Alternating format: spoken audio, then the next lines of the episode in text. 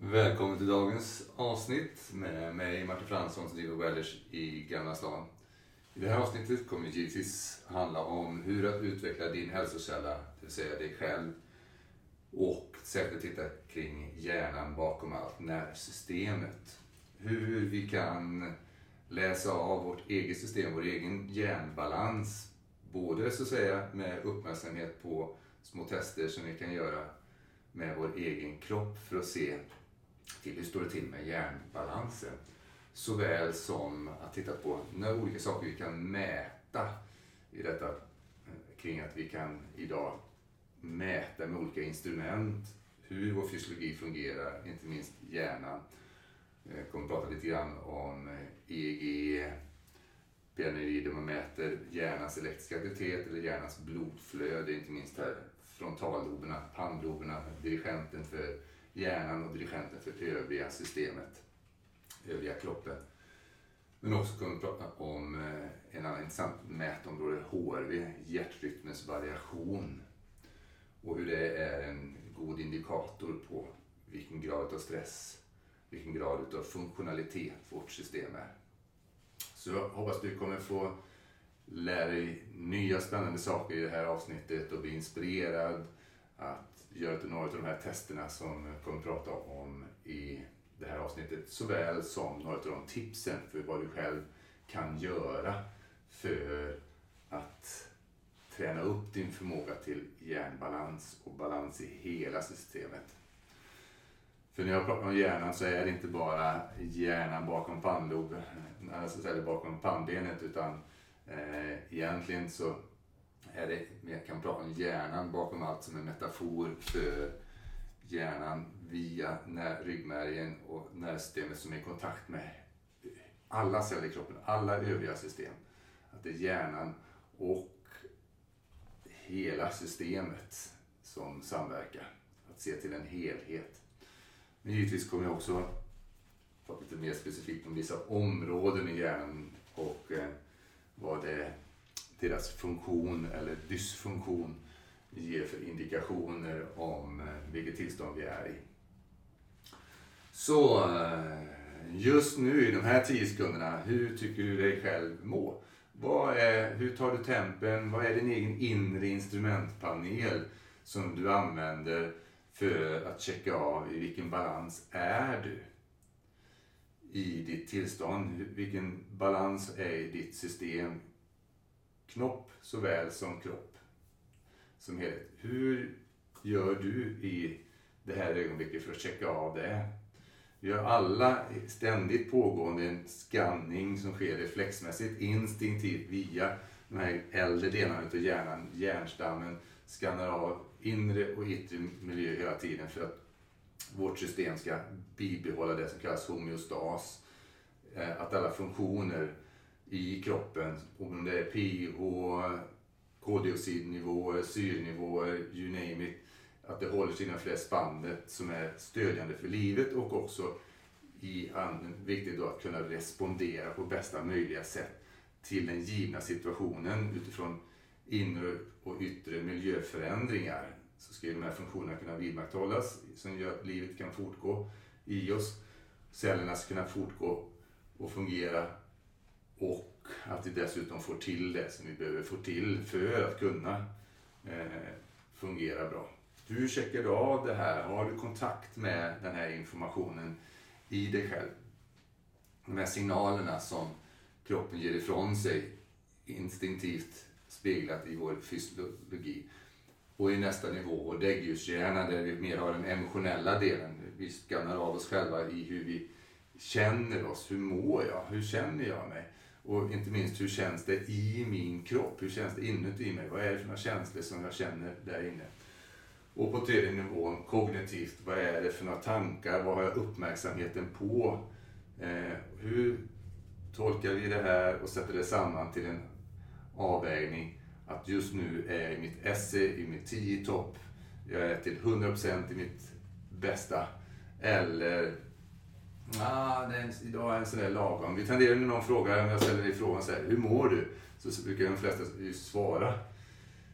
om man är i ett generellt sammanhang så ja men jag mår bra, jag kan kanon, det är toppen och allting. Du, är det sant eller inte sant? Det är ju ofta, eh, får var och en vara ärlig mot sig själv, hur väl det stämmer överens med vad de egentligen har kontakt med.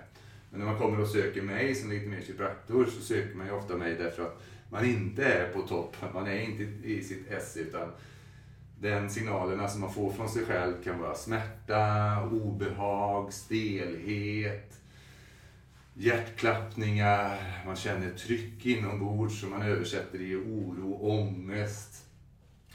Olika bitar, att man känner sig låg i energin eller har hög, bra energi. Eh, men om man inte mår bra så läser man ju av sitt system och så säger man att jag mår inte så bra som jag önskar därför att de här sakerna är där och de vill jag gärna bli kvitt eller förändra så att det kan bli bättre. För jag vill ha mer energi. Jag vill känna mig piggare. Jag vill inte ha den här inre oron. Jag vill inte ha det här trycket. Jag vill inte ha den här smärtan. Jag vill inte ha den här...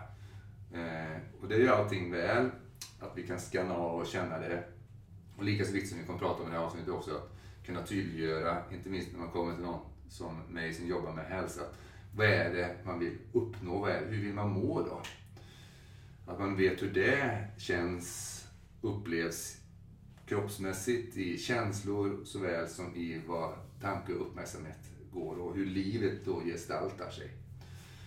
Så tillbaka till frågan till dig här och nu som lyssnar eller tittar på det här avsnittet.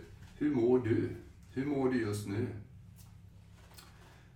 När du skannar av din kropp, så det är någonting vi kan alla göra och gör förhoppningsvis varje dag. Checkar av, bara tar en paus och checkar av hur känns det i min kropp nu? Hur mycket spänning håller jag just nu i min kropp? Håller jag mer eller mindre spänning än vad jag behöver? Givet att jag går, cyklar, kör bilen, vad det än är du gör just nu.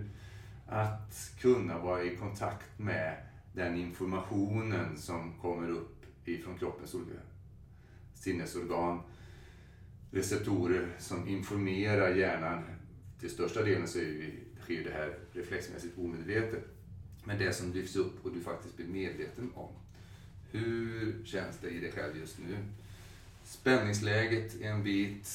Andningstempot. Hur känns din andning? Känns det som att du har en, ett andningstempo som stödjer just det du håller på med just nu. Du kanske ligger hemma på sofflocket. Du kanske är ute och går. Vad är, är andningstempot snabbare eller långsammare än vad det som känns behagligt för dig för det du gör just nu? Andas genom munnen eller näsan. Ju mer avslappnat system är så tenderar vi att kunna andas genom näsan. Och vi har en lugn, regelbunden andning. Oberoende om vi springer, cyklar så kan vi bibehålla med god kondition en andning genom näsan. Bara en liten indikator som man kan använda för sig själv. En annan är ju hur är handtemperaturen, handfuktigheten. Sådana här saker som kan mäta med utrustning som jag har här, som man kan använda för att kolla av, är handtemperaturen ska vara ungefär en grad under kroppstemperaturen. Du tar din och kollar din kroppstemperatur, låt säga att du har 36,8 som kroppstemperatur, så ska din handtemperatur ligga på ungefär 35,8-36 grader. De flesta har mycket lägre. Vi ska ha en regel, en temperaturreglering där händer och fötter alltid är varma och sköna. Oberoende om det är kallt ute eller inte. Händerna ska varken vara för fuktiga eller för torra i den givna situationen. Så ska det vara en, en skön hand, varm, skön, eh, lagom fuktig hand. Sen är det saker vi kan checka av med oss själva. Hur känns pulsen givet den situationen du är just nu? Kan du känna, lägga handen på ditt bröst och känna pulsslag, känna ditt hjärta. Känns det som att det är ett jämnt, regelbundet tempo oberoende vad det är du gör. Så i de allra flesta, om det inte är så att du just nu jagas utav en grizzlybjörn, vilket jag hoppas du inte gör, så ska vi ha ett skönt hjärtslag där hjärtrytmen är i synk med andningsrytmen. Så att när vi andas och rör på sig eller bara ligger på sofflocket så ska hjärtrytm och andningsrytm röra sig i en skön synk. Då har vi vad man också kan mäta en väldigt god hjärtrytmsvariabilitet. Medan när hjärtrytmen känns lite ur synk med andningsrytmen då vi brukar känna saker i bröstkorgen också. Att liksom det är någon spänning, det känns liksom som ett tryck eller känns inte riktigt det där ah, skönt att man är i flowet. Så bara några grejer du kan vara uppmärksam på eh, här här nu. Du har ju dina saker som du checkar av, men jag ger bara lite tips för saker och ting som du kan kanske addera till det du redan instinktivt gör när du gör en kroppsskanning och känner av ditt system för att, så att säga, ta tempen på ditt system där. Och nästa nivå upp är ju då att eh, så det här att bara kunna vara med de här sakerna, att kunna bara vara i tillåtelse med det som försiggår i kroppen. De signaler som faktiskt finns där i kroppen, att kunna vara i tillåtelse med dem. Ju bättre balans vårt nervsystem är i, vår hjärna i, är i, desto mer kan vi tolerera oberoende av vad som försiggår i kroppen. Oberoende är smärta, annars så kan vi ändå bibehålla eh, ett gott tillstånd och vi responderar på ett så adekvat, optimalt sätt som möjligt. Det reflekteras bland annat i hjärtrytmsvariationer. Har man väldigt god heart rate variability så har man större kapacitet att kunna härbärgera det som försiggår i den egna fysiologin och respondera på ett adekvat sätt som inte är så impulsstyrt utan hela nervsystemet är med på valet som sker. Och när vi kan vara med det som är så kan vi också vara i acceptans för de känslor som är kopplade till det här. Så känslor sker inte uppe här uppe i knoppen eh, utan känslor är en funktion utav vad som händer i hela fysiologin. Kropp och knopp. Hjärnan och övriga system, övriga kroppen där. Det går inte liksom att skilja de här bitarna från varandra direkt. Även om vår hjärna på nästa nivå kan då mentalt fabricera saker och ting där som skapar oro eller ångest eller rädsla. Men sensationerna som vi känner har ju, kommer ju från funktioner i hjärnan men det inverkar på hur hela vår fysiologi uttrycker sig också. Så det är sagt, vad är det du känner just nu när du lyssnar på det här avsnittet eller tittar på det här? Vad är det du känner? Vad är det för några känslor som du är i kontakt med? Eller är det bara helt neutralt? Har du ingen direkt känsla överhuvudtaget? Eller är det någon känsla där som förhoppningsvis är du inspirerad och nyfiken, hoppas jag, tillstånd du har när du tar del av det här avsnittet. Att under det här avsnittet så rör sig det genom olika sensationer i din kropp tack vare det jag berättar om, att du är i kontakt med din kropp. Såväl som vilka känslor som eh, kommer upp när eh, du får olika insikter och hör det du hör och ser det du ser när jag pratar och andra sinnesintryck som du har samtidigt eh, när du tar del av det här avsnittet. Så vad är det du känner just nu? Vad är det för känsla? Är du glad? Klassar du det du förnimmer som lycklig, inspirerad, energisk, rofylld? Jag önskar för oss alla att vi har kapaciteten att eh, kunna välja med all större lätthet de tillstånd som vi önskar för oss själva. Och har kapaciteten att försätta oss i de vetskapen hur vi försätter oss i de här tillstånden. Oberoende yttre omständigheter. Så vi kan välja de tillstånd som är mest gynnsamma för att adekvat respondera och ha de beteenden som passar sig för att vara framgångsrika och effektiva. Och det kan man, kommer vi prata mer om i andra avsnitt än vad vi lägger i det. Jag kommer beröra det. Vad är, för det är olika vad som är effektivt och vad som är framgångsrikt för dig. Men en bit är ju givetvis att vi lever och mår bra, som är sant för mig. Så vad är det du känner just nu? Är det du känner just nu och förnimmer din kropp det du önskar eller vill du skifta det? Och ska man skifta ett tillstånd så kan man göra det på många sätt. Men det handlar ju om den här dynamiken, plasticiteten i vår hjärna. Att vi som unika Homo sapiens sapiens har förmågan att skifta våra tillstånd, skifta vår uppmärksamhet, vad det är vi lägger fokuset på. Så ju mer flexibelt, dynamiskt och eh, balanserat vårt system är så är det sant att för mig att då är vi också mer kapabla att med lätthet skifta. Jag uppdagar att okej, okay, jag har den här sensationen i mig. Jag trycker inte undan den här känslan som jag har utan jag kan vara med den, härbärgera den och låta den transformeras och vara bränsle för det jag vill känna mer utav. Det är en kapacitet som möjliggörs när vår hjärna blir mer och mer i balans och integrerad. Inte minst tack vare att eh, mer och mer utav vår frontallob, pannloberna, kommer på banan och kan fungera mer funktionellt tack vare att allting annat i hjärnan, reptilhjärnan, däggdjurshjärnan, alla andra strukturer eh, finns där som stöd. Då kan den senaste delen av vår hjärna mogna mer fullödigt och inte minst att det blir balans mellan vänster och höger hjärnhalva, att de kan samarbeta mer effektivt. Eh, och allting som jag säger nu, det är vad jag, som är sant för mig. Det behöver inte bli sant för dig, men det är att utforska. Och det är inte så att det här är bara någonting jag plockar från tomma hint, utan det är eh, vad du kan läsa om, om du läser om stressforskning, om du läser om hjärnfysiologi, neuroplasticitet, så är det sådana här saker som eh, förmedlas, oberoende om det är personer som eh, Robert Sapolsky, en av de stora stressforskarna som är väldigt känd genom bland sin bok Varför får zebror inte magsår men vi människor?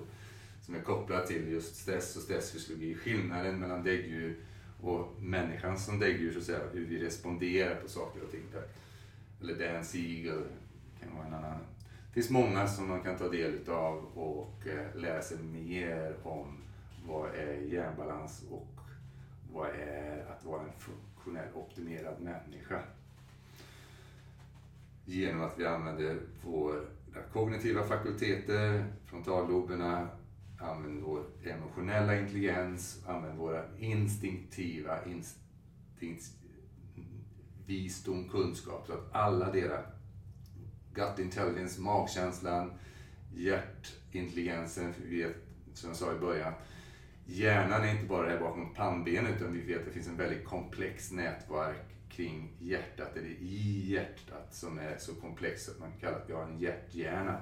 Och vi har likadant kring mage-tarmkanalen, så komplext nätverk utav nervfibrer så vi kan kalla att vi faktiskt har en maghjärna lika komplex som en katts hjärna ungefär jämför med de här två. Så det finns en djupgående intelligens som inte bara är lokaliserad bakom pannbenet utan vi vill ju att alla de här bitarna samverkar.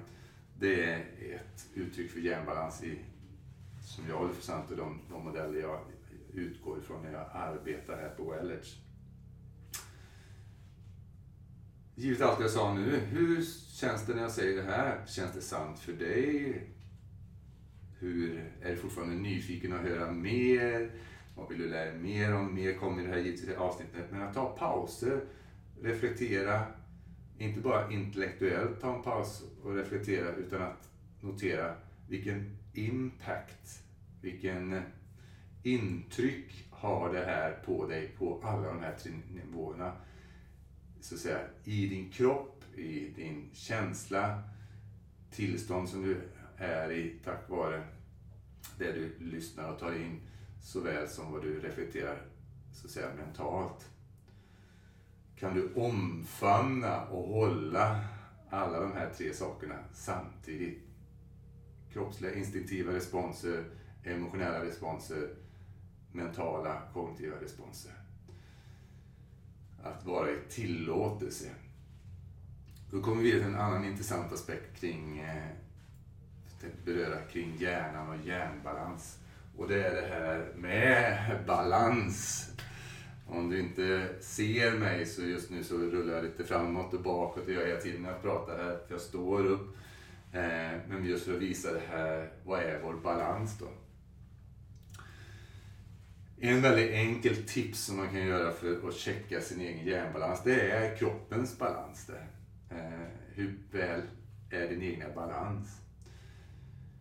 För vi har ju många sinnen och då pratar vi inte bara om de fem standardsinnena. Det är ju också en bit kring hjärnbalans. Hur hur vårt hörande, vårt seende, vårt doftsinne, smaksinne, känselsinne, beröringssinne, hur väl de samverkar. Eh, det tjusiga är att när vi pratar om eh, det här att ha sunt förnuft. Sunt förnuft är ju för mig i alla fall ett, ett svenskt uttryck för när vi har med alla bitar. Vi har ett sunt förnuft, det är som känsla i balans med tanke, erfarenhet, åt det här att vara vis, så att man har levnadsvisdom. Men jag kommer ihåg när jag läste en eh, neurofysiologibok för många herrans år sedan, var kanske jag var 14-15 år, för jag har varit intresserad av hjärnan och hjärnans möjligheter. Sen jag läste Carl Sagans bok Lustgårdens drakar där han pratar om hjärnan och hjärnans utveckling och nervsystemets utveckling. Men det var någonstans där i 14-15 års åldern som jag läste även det här, just att ordet common sense, eller något ord på engelska, kommer från sensus communis. Det vill säga sinnenas kommunikation, när sinnena samverkar. Alla de här loberna som har tagit hand om olika sinnesdata samverkar och integreras och används till överlevnadsvärde och helst att man kan frodas för förbättra energieffektivitet så vi utvecklas. Evolution så som species, arter, men också som individer, syntropi, att vi utvecklas, evolveras som individer till vår fulla potential. Då pratar man ofta om de fem standardkänslorna, sinnena, men för mig är det också att väva in andra sinnen. Det vi ska ta och titta på nu är det här som vi kallar proprioception, eh, kroppsmedvetenhet, vad vi har vår kropp i rummet i relation till gravitationsfältet. För så länge vi är på jorden så eh, vi kan göra det helt tyst, vi kan eh, ta bort alla andra sinnen, men eh, det är svårt förutom om man hoppar och är tyngdlös en kort stund där, så eh, är vi för det mesta att vi upplever gravitationsfältet. Och det har en otrolig verkan på vår hjärna och övriga fysiologi. Så när jag brukar föreläsa på företag och säkert på olika andra utbildningar så ibland tar jag upp det och gör det nu i det här avsnittet. För det faktum är det att det kanske viktigaste sinnet är just det här sinnet. Hur vår fysiologi och vår hjärna förhåller sig till gravitationsfältet. För det börjar hända väldigt intressanta saker i våra cellers funktion och i våra organsystem och i vår hjärnas funktion när vi är i tyngdlöshet för länge. Eh, någonting som man börjar inse då när astronauter och kosmonauter allt längre tid spenderade uppe i, i rymden där. Så då har man funnit att, att göra olika balanstester är väldigt värdefulla. Jag kommer tillbaka till det här efter en lång vända till att göra ett självtest. Har du möjlighet så gör det just nu.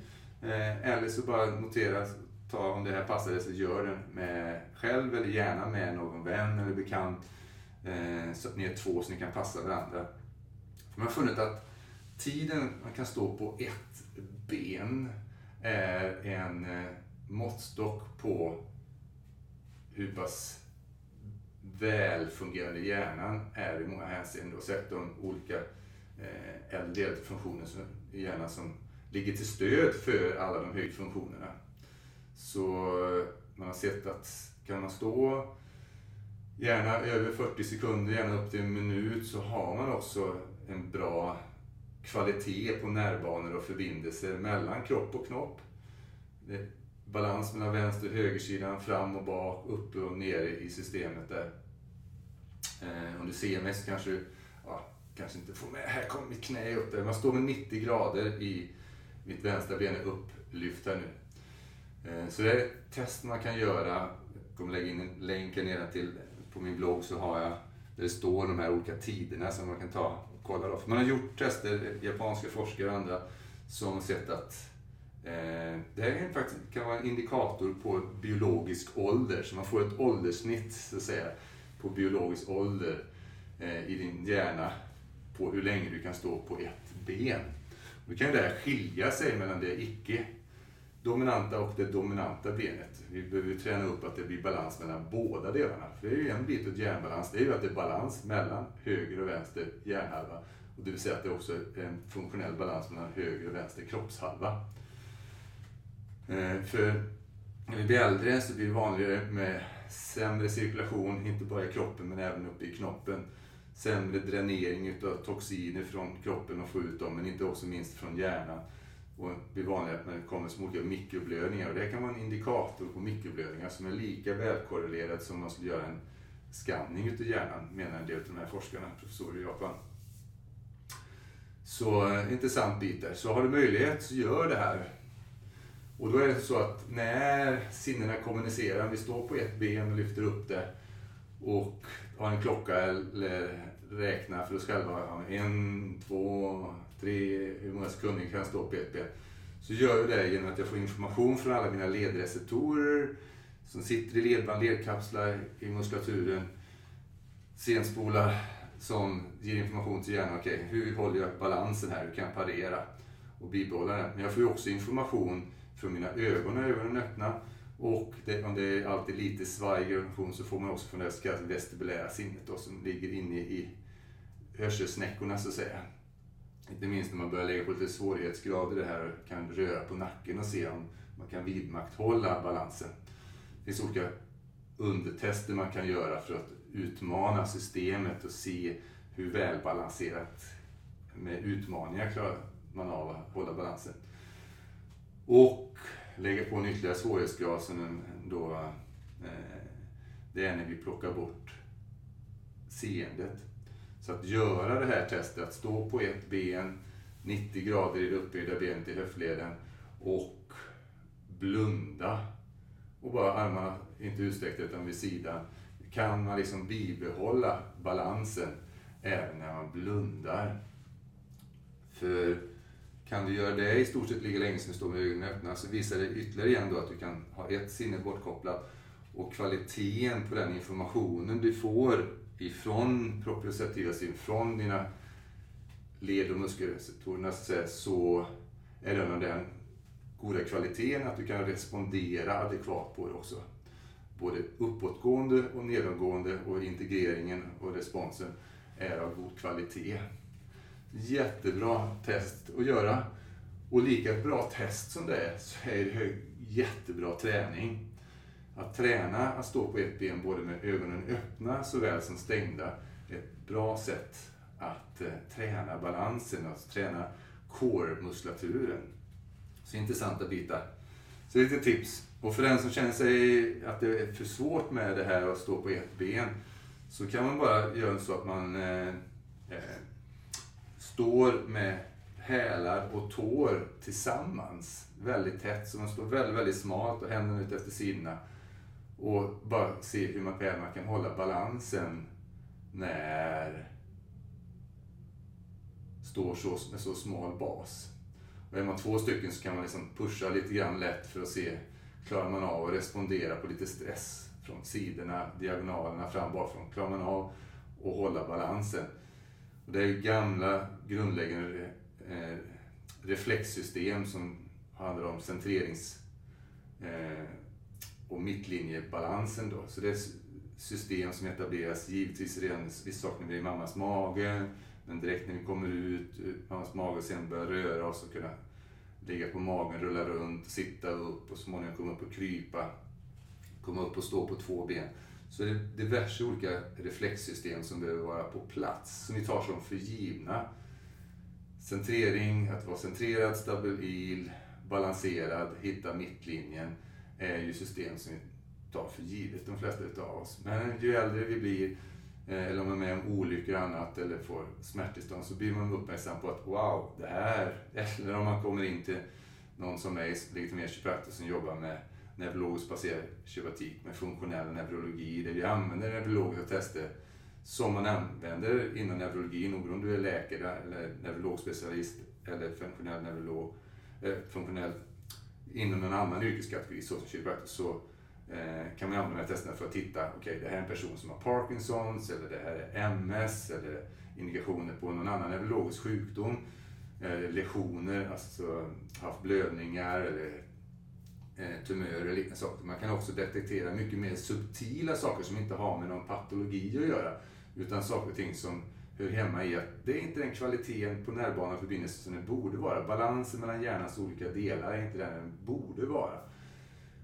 Och hur man då kan adressera det, både med olika behandlingsinterventioner såväl som med övningar, hemövningar, så att man kan förbättra de här indikatorerna som eh, testerna är för att evaluera stabiliteten, integriteten och kvaliteten på systemet, energieffektiviteten i systemet.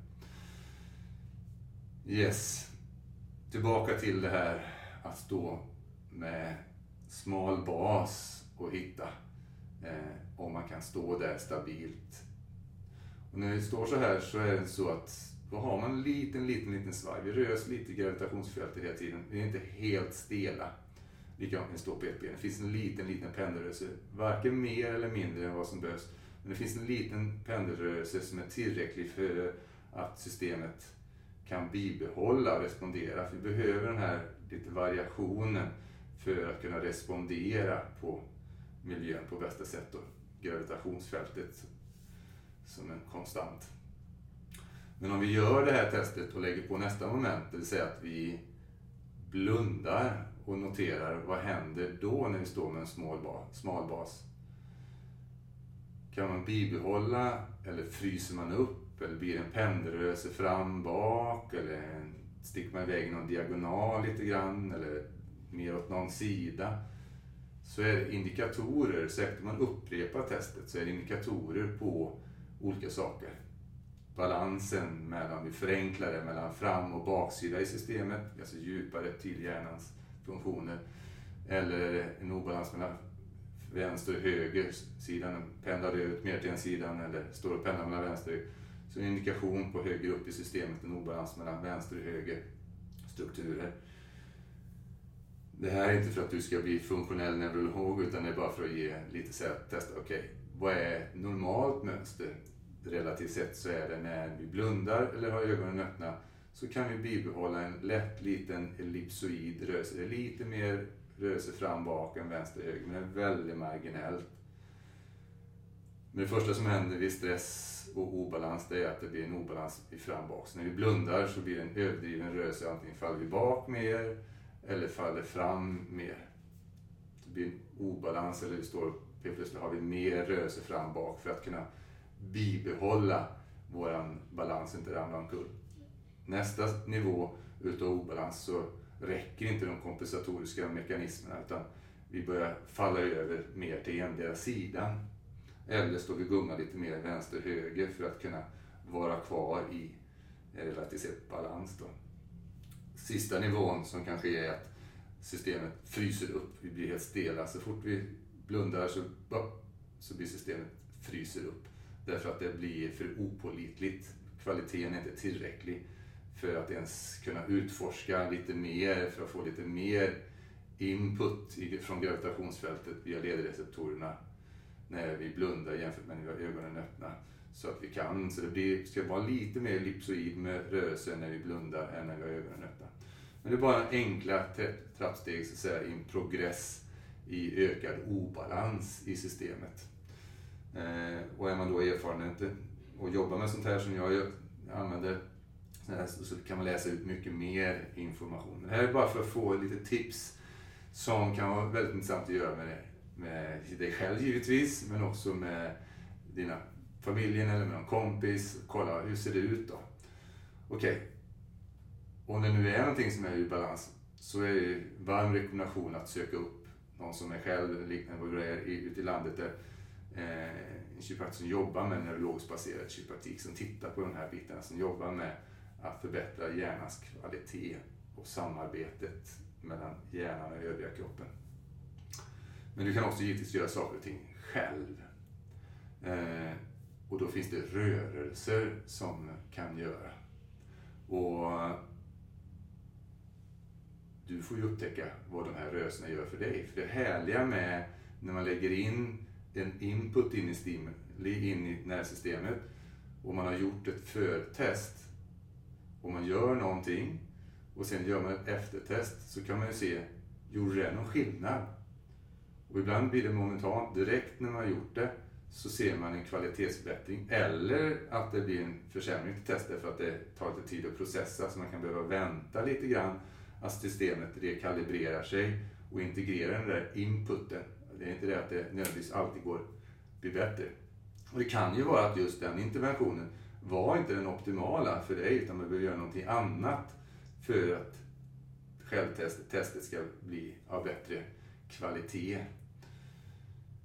Och i det här fallet så är det att du ska kunna stå till exempel längre både med ögonen öppna eller slutna på ett ben. Ögonen öppna eller slutna när du står med en smal bas, det vill säga tå, stortår och hälar vidare varandra om du har möjlighet att göra det och händerna avslappnade längs med sidorna.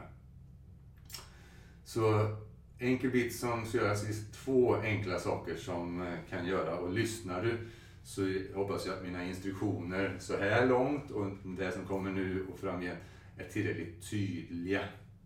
Ibland kan man behöva höra om om jag pratar för snabbt. Så att ställa sig axelbrett, slappna av lite grann i knäna, sätta upp händerna diagonalt så att man blir som ett X och sakta skifta över vikten på ena benet och låta ena, det andra benet lyftas upp och motsatta handen komma ner så att handflata, på till exempel i mitt fall höger hand möter vänster knä och ta ner det och komma i exet igen. Och så gör man motsatta sidan. I mitt fall blir det höger knä och vänster handflata möter varandra. En liten push där. kan man göra några gånger så. En liten korslateral rörelse i långsamt tempo. Träna balansen också. När du gjort några sådana, låt säga 5-10, så kan vi göra på baksidan också. Det vill säga att min högra hand går bak och vidrör min vänstra häl. Det är ju en grej att kunna göra det. För proposition handlar ju om att kunna hitta sig själv så att säga och sina kroppsdelar i rummet också. Oron när man har ögonen öppna. Jag kan försvara och göra, försvåra och göra den här övningen även när jag blundar om jag vill. Kunna hitta mina kroppsdelar. Framsidan, baksidan, kors lateralt, komma tillbaka till mittläget. Och så kan man bara när man gjort det här göra om de här testerna. Okej, vad händer? Blir det skillnad i hur länge jag kan stå på ett ben och blir de kanske lik, mer likvärdigt hur länge jag kan stå på, låt säga att jag kunde stå 40 sekunder på mitt dominanta ben, mitt högra ben, medan jag kunde bara stå 15 sekunder på mitt vänstra ben. Blir det mer lika till exempel? Ett tecken på att någonting har skiftat i nervsystemets integritet. När jag kan stå längre och mer likvärdig på båda. Likadant om jag låt säga stod med hälarna och tårna ihop och pendlade väldigt mycket fram och bak eller föll bakåt innan jag gjorde den övningen. Sen helt plötsligt så kan jag blunda och det är en väldigt liten mjuk rörelse. Jag känner själv att jag är mer centrerad och balanserad. Ja, det är en väldigt bra indikator. Nästa bit, tipsövning för att förbättra kroppsbalansen och potentiellt då se det som en förbättring av hjärnbalansen också. Det är att korsa det ena benet framför det andra. Låt säga jag väljer vänster framför mitt högra ben och korsar över det. Så att precis som jag står med smal bas här, men så är det då ut, det som är utsidorna utav mina fötter kommer till att Eh, vidrör vidröra varandra. De blir insidorna så att säga. Och likadant gör jag med mina händer. Jag sätter fram mina händer, sätter ner tummarna och låter den ena handen komma kors över den andra så jag kan knäppa mina händer framför mig och hålla kvar den knäppningen och föra in händerna korsade, knäppta till bröstkorgen. Så jag håller dem mot hjärtat. Och kunna stå så, med först med ögonen öppna, kanske en halv minut. Och sen så blunda och se om man kan lätt vidmakthålla detta. Och komma ut ur det. Och då finns det fyra olika kombinationer beroende på hur, vilka händerna, hur händerna är knäppta och huruvida hur fötterna är korsade. Så fyra olika kombinationer. Då kan man märka att det är skillnad mellan det här. Och då kan det vara så att man märker att en kombination är mer stärkande, både när man står i den men också mer balanserande i form utav när man gör självtesterna efterpå. Så det är bara att utforska och uppmärksamma vad lägger du eh, märke till. Gott. Självtester, två små interventioner. Tillbaka till tidigare i det här avsnittet. Vad känner du just nu? Om du gör en liten paus och är tillåtelse med de sensationer du får från din kropp. Acceptera de känslor som det väcker upp eller som du är, kommer i kontakt med när du tar en paus och känner efter vad är det jag känner just nu. Vad är det för någon känsla, något tillstånd jag har? Och omfamna det. Vad är det för någon tanke, insikt, reflektion som du har i det här ögonblicket kring detta som du gör just nu när du hör mina ord. Gott. Ta gärna ett djupt andetag. Och notera hur det kan potentiellt inverka på hur du känner dig, vilka sensationer du har i kroppen och vad din tanke och uppmärksamhet är någonstans. Andningen har i alla tider varit eh, i många traditioner ett verktyg för att både tygla sina känslor, för reglera sin tanke, påverka sitt tillstånd och kunna prestera bättre i idrottssammanhang eller you name it. Andning är någonting som sker reflexmässigt men också någonting vi kan styra viljemässigt. Så här finns en väldigt intressant dynamik.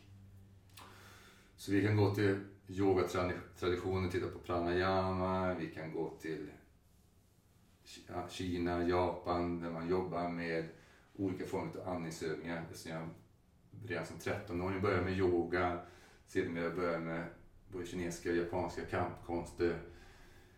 Så är det här någonting som är en del av min vardag sen eh, jag snart 40 år eh, som jag har hållit på med sådana här olika former av andningsövningar från olika traditioner. Men vi har ju också då den här västerländska eh, forskningen och insikter kring vad andningen och en välfungerande andning kontra en dysfunktionell andning, vad det gör med vår fysiologi, hur vi mår, men också hur vi kan använda det som en måttstock. Så ett litet tips då är att titta på hur många andetag tar du per minut när du så att säga observerar dig själv. Eh, allra bästa är ju till exempel om man har någonting som jag så här, som mäter andetagen. Vi har en ring som mäter diverse olika saker med olika receptorer. Man kan ju ha en klocka med olika sensorer som mäter andningstempot. Så man får det när, så att säga, när man inte vet om det, så man inte där försöker verka bättre än vad man är. Och det är väldigt intressant så. Den här inspelningen sker ju eh, 25 mars 2022. Eh, så jag vet inte den absolut senaste forskningen. Jag vet att eh, eh det jag läst om är till exempel hur det ser ut nu på 2000-talet när man har tittat på medicinstudenter och mätt vad är ett vilotempo på andningen. Och går tillbaka decennier tillbaka till tidigt 1900-tal tror jag det är den första på medicinstudenter man använder. Så är det en väldigt stor skillnad vid vad är ett vilotempo på andning. Puls har också ökat lite grann men det som verkligen är mest skönjbart det är andningstempot. Så att, eh, eh en del studier som gjordes då i början av 1900-talet sägs det att mellan 4 till 6 andetag per minut var vilotempot. Och det är också när man tittar på olika traditioner, man pratar om vad är ett eh, lugnt andningstempo. Ett lugnt andetempo, ett lugnt tempo för anden att vara i kroppen. Det kan ligga någonstans där runt 4 till 6 andetag. Men sen när det gjordes det här, jag tror det var någon gång efter andra världskriget, någonstans 40-50-talet, så var det uppe på 15, 16. Och i vissa, någon studie har jag legat mellan 18 och 20 andetag per minut. Eh, och då får man fråga sig då, eh, vilket är det mest normala? Vilket är det mest önskvärda? Ja, att andas 18 till 20 andetag per minut, det finns det i, när man ligger i vila. Det, det är inte så att säga eh, effektivt i längden. Men vår biologi, utgångspunkten jag har alltid är att vår biologi och fysiologi är ju alltid det optimala givet situationen, givet den fysiska kondition vi är i, eh, vilken typ av ämnesomsättning vi har, vad vi äter och andra faktorer som speglar sig bland annat i andningstempot och rytmen på andningsrytmen så att säga, i synk med hjärtrytmen. Så gör det bästa det kan för att anpassa sig, för att bibehålla det här som jag pratade om i början, homeostasen, att biologiska funktioner, att koldioxid, syresättning ska vara den bästa, socker, insulin och allting ska kunna fungera. Speglar sig ibland i vår andningstempo och hjärtrytm. Men låt oss säga nu att det är som så att 4-6 andetag är det optimala. Då kan ju du checka dig själv. Hur nära eller hur långt bort ifrån ligger du det här tempot? Enkelt självtest att göra på morgonen till exempel när du vaknar i sängen. På kvällen när du ligger i sängen och ska somna. Vad är ditt andningstempo? Och låt säga nu att du accepterar att det borde ligga någonstans mellan 4 till 6 andetag per minut. Men låt säga att du andas 15 andetag per minut när du är i vila. Då kan du givetvis börja träna mer eller kanske träna på ett annorlunda sätt för att påverka det där. Men du kan också påverka det genom att börja träna din andning på att vara runt detta. Och då har man funnit att när vi andas in mellan 5 till 6 sekunder inandning och 5 till 6 sekunder utandning genom näsan eh, brukar vara det enklaste. Då tenderar vår hjärtrytm, andningsrytm och också hjärnan komma i någonting som kallas koherens, samstämmighet. Tittar vi på hjärnan så blir det en samstämmighet, en eh, hemisynk mellan vänster och höger hjärnhalva. Hjärnan tenderar att komma i 10 hertz svängningar. Och då är liksom hela hjärnan mer engagerad, mer samverkande runt 10 hertz när vi mäter det med EEG, hjärnans växtaktivitet. Och blodflödet tenderar att öka till frontalloben. Alltså mäter man med sensorer på pannan så tenderar det att visa på att det är ett ökat blodflöde till frontalloberna. Till skillnad när vi är i ett högre andningstempo med stressfysiologi så tenderar det att vara mindre blod till frontalloberna och mer till de äldre delarna av hjärnan som handlar om stress, reagera här nu på någonting. Så att testa om du inte redan gjort det. Att lägga händerna på magen, andas in 5-6 sekunder, andas ut lugnt 5-6 sekunder. Och då gäller det att det inte blir bara en teknik, en mekanik i det. Alltså någonting som vänsterhjärnan gör disciplinerat och kontrollerat. Utan Det gäller ju att känna efter hur känns det i dig när du andas i det här tempot. Hur upplever du det? Och då är det som så att viktigare än att göra mekaniskt, det är ju att göra så att det också är synk med känslan. Så att det, du hittar ett andningstempo som känns skönt gott för dig. Du känner att det känns gött, som vi säger på den sidan av Sverige jag kommer ifrån, här inne i bröstet. För då tenderar det att vara ett uttryck också för att hjärtrytm och andningsrytm kommer i bättre samstämmighet. Det vill säga en förbättrad hjärtrytmvariabilitet som är en indikator på att ditt system är mer i återhämtningsfysiologi. Du har aktiverat det vi kallar relaxation response lugn och ro-systemet, lugn och ro-reflexsystemet. Till skillnad mot att vara i högt andningstempo där det är mer aktivering utav stress som gör att HRV ser annorlunda ut också om man mäter det. Med sånt som jag har, ring eller med sin klocka eller med en app på sin mobiltelefon. Welltory är ett bra.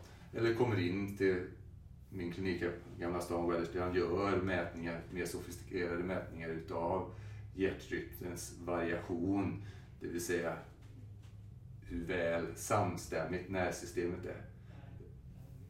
Så det här är bara en liten bit då du kan mäta ditt andningstempo och du kan träna om din andning och med intentionen att, så att säga, sakta men säkert röra dig mot ett lugnare och lugnare andningstempo. Där du kan sakta men säkert kanske nå ner till 4, 5, 6 andetag per minut och att det känns gött, skönt där inombords också.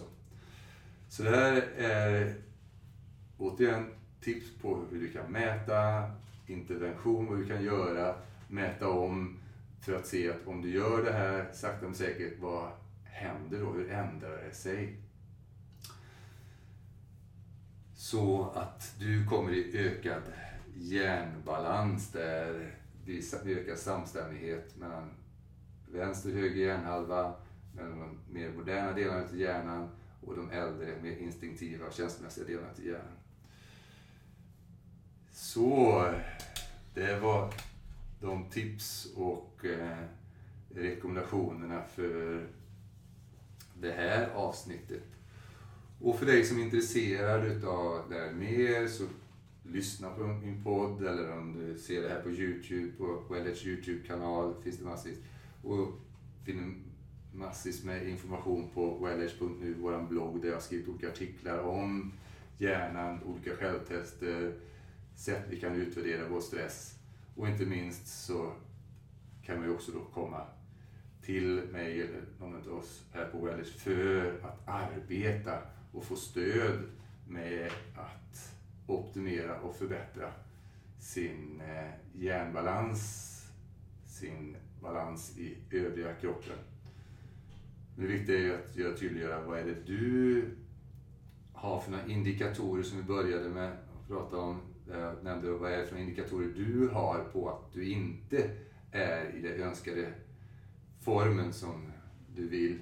Men också vetskapen om vad är det du vill ha mer utav. Så att kunna skriva upp för sig själv en lista. Men det är de här fem, tio punkterna, det är de sakerna som är indikatorer på att det är någonting. Det kan ju vara olika symptom, men det kan vara andra mer subtila bitar. Men jag får alltid hjärtklappningar när jag ska göra en presentation eller jag är alltid så kall om händerna. Jag sover inte så som jag borde. En positiv bieffekt det arbetet gör är att man ofta får mer energi, sover bättre, får en ökad flexibilitet i kroppen men också i övriga livet genom att det kommer till bättre resursfullhet, man fungerar mer elegant som helhet. Men det är viktigt att veta som sagt var, var är man någonstans? Och vilka indikatorer har man på det? Så att säga i form av icke önskvärda saker men också kanske då avsaknad av de sakerna man vill. Så man vet vad är det, hur ska du veta? Förutom olika tester vi kan göra men hur ska du veta eh, när de här sakerna är borta att du har uppnått det du önskar. Så, har du frågor, kommentarer på det här, gillar du det, så gilla det gärna genom att klicka, skriv en rekommendation beroende på vilken källa där du ser det här. Och dela gärna, för när vi blir inspirerade och delar vidare till andra, så de, vi har ett, de människor du har runt omkring dig, om de också är inspirerade och uh, gör det här, så, så, blir det också lättare. För kan man prata om det. Ja, men nu håller jag på med min andning och tittar och mäter med balansen. Hur länge kan du stå nu? Inte som en tävling, som att vem har gått 10 000 steg idag med sin stegmätare, utan mer som en pepp. Eh, att samverka ifrån glädje och lustfylldhet istället för att tävla mot varandra. Inspirera varandra till vad mer är möjligt tack vare att vi stödjer varandra. Vilket också är ett uttryck för ökad hjärnbalans. Då handlar det inte om vem är bäst, vem är sämst, vem kan mest, vem är duktigast. Utan det handlar om ödmjukt, okej, okay, vi har olika förutsättningar, det här är mina förutsättningar och yes, jag stödjer dig, rör dig från där du är till dit du önskar och vice versa.